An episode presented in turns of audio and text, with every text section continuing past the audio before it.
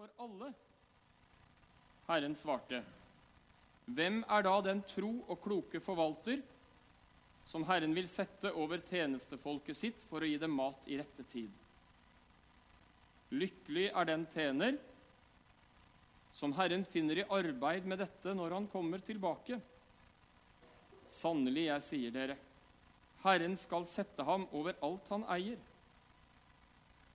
Men sett at denne tjeneren sier til seg selv, det varer lenge før Herren min kommer, og så gir seg til å slå tjenesteguttene og tjenestepikene og spise og drikke til han blir full.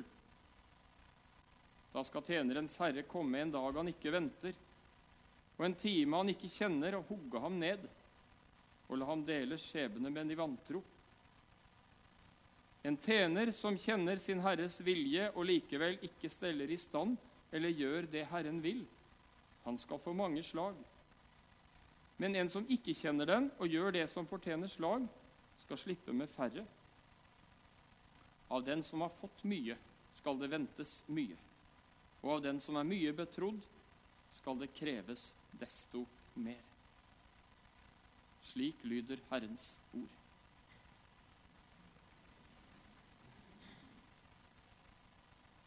Det er skarpe og det er krasse Jesus-ord som vi stilles inn for i det vi leste sammen, i det vi stansa for nå.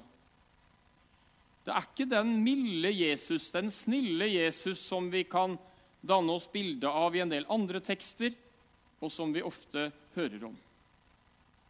Og Det som gjør at Jesus er så skarp, er at Jesu hellighet det gjør at der den sterke tråkker på den svake, der noen mennesker har stor makt og misbruker den makten til å berike seg sjøl, skaffe fordeler til seg sjøl, skaffe privilegier til seg sjøl, og misbruker sin makt og sin posisjon på andres bekostning, da er det ikke den milde Jesus som trer fram, men da er det kraft, og det er myndighet, og det er strenghet, og det er dommens stemme som lyder.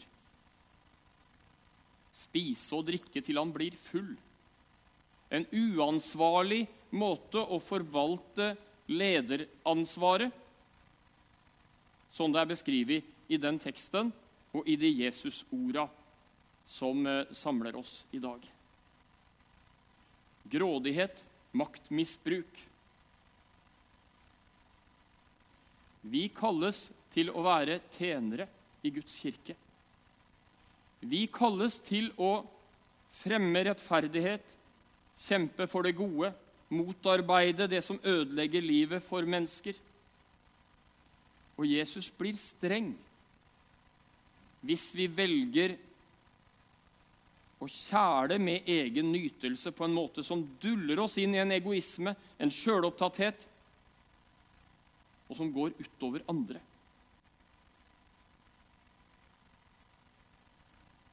Dommens dag og forvalteransvaret. Det sto noe om dommens dag i teksten. Det sto noe om den dagen da Jesus kommer igjen for å dømme levende og døde. Og Noen kunne tenke at eh, jo, nå syns vi at tegna er mange på at Jesus kommer nok igjen fort. Han kommer nok igjen veldig fort. Dommens dag er nok her når som helst. Og vi skal være forberedt. Og det er en sunn kristentanke at Jesus kan komme når som helst. Og I innledningen til teksten i dag så står det gjentatte ganger fra Jesus.: Våk, vær forberedt. Våk og be. Vær forberedt. Og så er det noen som kan smittes av den feilaktige, farlige tanke. Siden dommens dag antageligvis kommer veldig fort, så kan verden gå sin skeive gang. Da bør ikke vi engasjere oss i eh, urettferdighet i verden. Da behøver vi ikke engasjere oss i at barn har det vanskelig i nærmiljøet. For det er jo så mye viktigere ting. Mennesker må bli frelst, mennesker må få Jesus i hjertet. Mennesker må få møte det evige budskapet om Jesus Kristus som frelser, så vi får tone ned det sosiale engasjementet det som handler om å lindre nød og hindre urett. Jesus kommer jo snart, så klimaansvar, ansvar for forvaltning av skaperverket, for ikke å drive rovdrift på skaperverket, for å ta vare på natur, mangfold og hindre forsøpling og miljøødeleggelse, det lar vi tones veldig ned. Det er farlig tanke. Det er kortslutning å lage den linken mellom Jesu gjenkomst og en unnskyldning for vår egen grådighet og late uansvarlighet. La du merke til hva som sto i denne tjenesteteksten og i denne endetidsteksten som samler oss i dag? Salig er de tjenere som Herren finner i ferd med å gi folk mat når jeg kommer. Oversatt betyr det Salig er de som er i ferd med å fremme rettferdighet.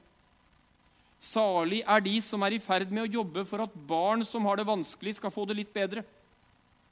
Salig er de som er i det godes tjeneste, i arbeidsklær, når jeg kommer igjen på dommens dag.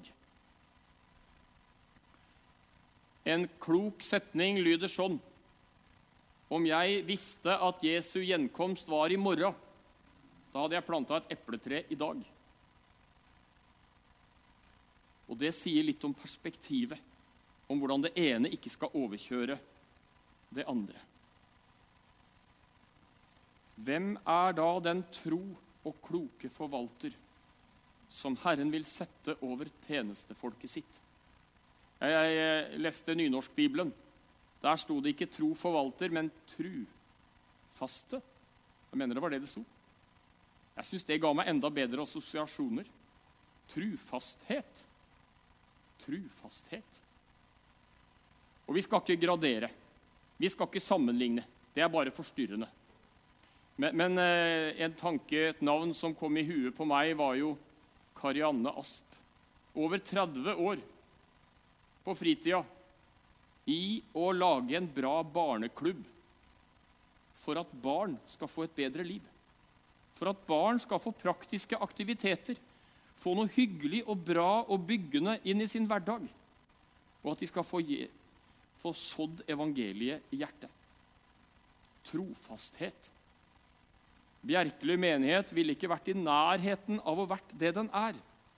Hvis ikke det var veldig mange som var trofaste år etter år og i det stille, og som jobber nesten like stillferdig og usynlig som meitemarken i å gjøre det godt for mennesker, i å ære Gud med sine hender, med sine biler, med sine hus, med sin mat. Salig er den tjener som Herren finner i ferd med å gi mat i rette tid, når Jesus kommer igjen. Jesu gjenkomst er på det tetteste bundet sammen med tjeneste. Og som jeg sa til innledning, din tjeneste, Sara, er en stor oppmuntring for oss i Bjerkeli menighet. Det inspirerer.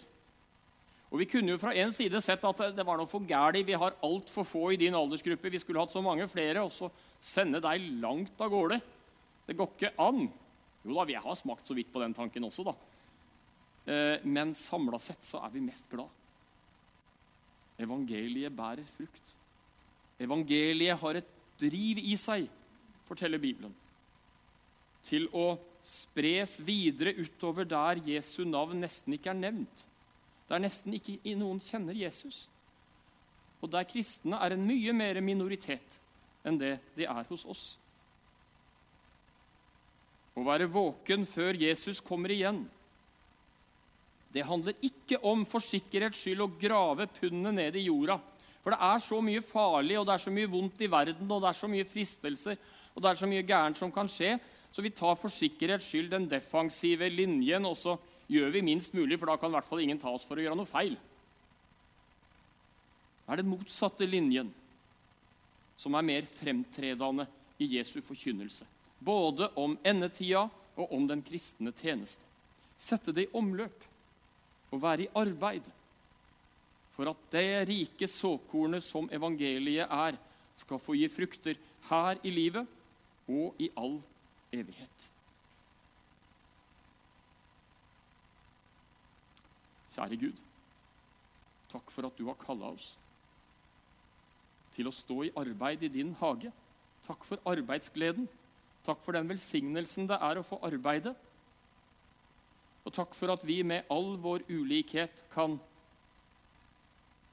ha ulike funksjoner på det treet som er deg. Takk for at du er rota, takk for at du er stammen, og takk for den gave, den nåde, som tjenesten er.